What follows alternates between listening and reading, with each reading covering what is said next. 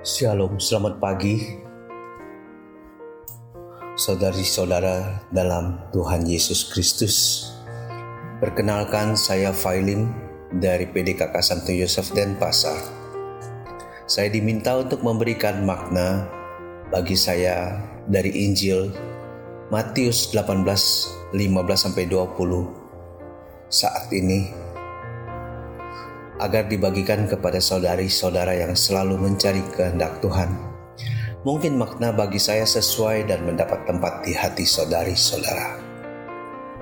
Ayat ke-15, apabila saudaramu berbuat dosa, tegurlah dia di bawah empat mata. Jika ia mendengarkan nasihatmu, engkau telah mendapatnya kembali. Mungkin ayat ini lebih cocok bagi para gembala tapi bagi kita atau bagi saya khususnya terkesan nekat, naif, karena siapa saya? Apalagi kalau yang ditegur itu orang yang lebih tua, lebih senior di dalam kegiatan-kegiatan rohani khususnya di kantor atau seorang gembala. Kalau di negara barat yang sudah maju kita menegur orang merokok di tempat yang ada tulisan dilarang merokok, mereka akan minta maaf dan matikan rokoknya. Tetapi jangan coba di negara kita, di lingkungan KBG. Lebih baik kita yang punya hak mendapat udara segar menyingkir karena urusannya jadi nggak enak. Ada berapa gembala kita yang merokok? Kalau kita ingatkan, hanya melotot atau ketawa.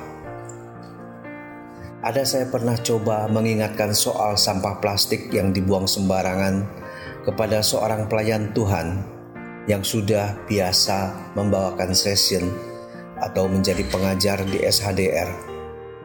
Akibatnya saya dikatakan bicara sia-sia dan diberikan empat ayat dalam Alkitab yang justru menegur kita berbahasa sia-sia. Sebagai orang timur memang kita tidak biasa menegur atau mengingatkan hal-hal yang kita anggap pastikan salah kepada orang yang umur atau posisinya lebih tua lebih tinggi kecuali orang yang kita tegur itu rendah hati. Seringkali kita takut sungkan menegur mengingatkan orang lain. Padahal menegur beda dengan menghakimi menegur atau mengingatkan karena kita peduli, karena yakin orang tersebut salah. Contohnya, kalau orang berjalan di badan jalan akan membahayakan keselamatannya, atau menegur orang karena buang sampah sembarangan di saluran air atau got jalan, karena bisa menimbulkan kebanjiran. Saat ini kita sudah harus menyadari bukan hanya membuang sampah pada tempatnya, tapi sudah berpikir akan mengurangi sampah. Alangkah baiknya bila kita mulai mengurangi sampah bukan karena takut kena denda atau dimarahi orang, tapi karena hati kita tergerak melindungi alam dari kerusakan yang lebih parah.